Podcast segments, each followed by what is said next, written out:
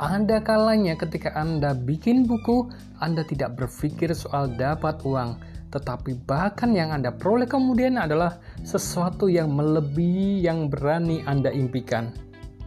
Halo, ketemu lagi dengan saya Anang GB dari penulisbuku.com.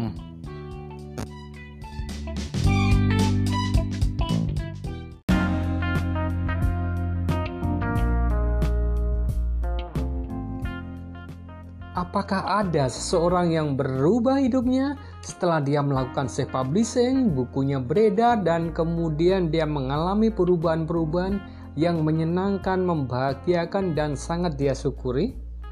Ada.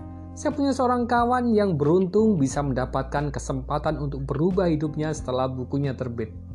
Yuk kita wawancara bareng kawan saya ini.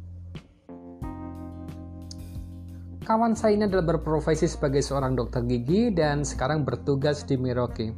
Dia membuat dua buah buku dan keduanya adalah buku biografi. Sudah terbit dan diterbitkan pada tanggal 1 Desember. Anda tahu 1 Desember hari apa? Hari AIDS sedunia. Apa yang berubah dari dari kehidupan beliau seperti yang saya bilang di depan? Yuk kita dengarkan perkenalan dari dokter gigi sahabat saya ini.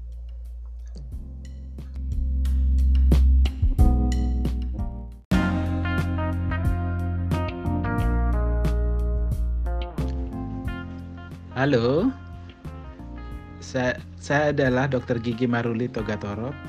Saya sekarang ini uh, tinggal berdinas di kota Merauke.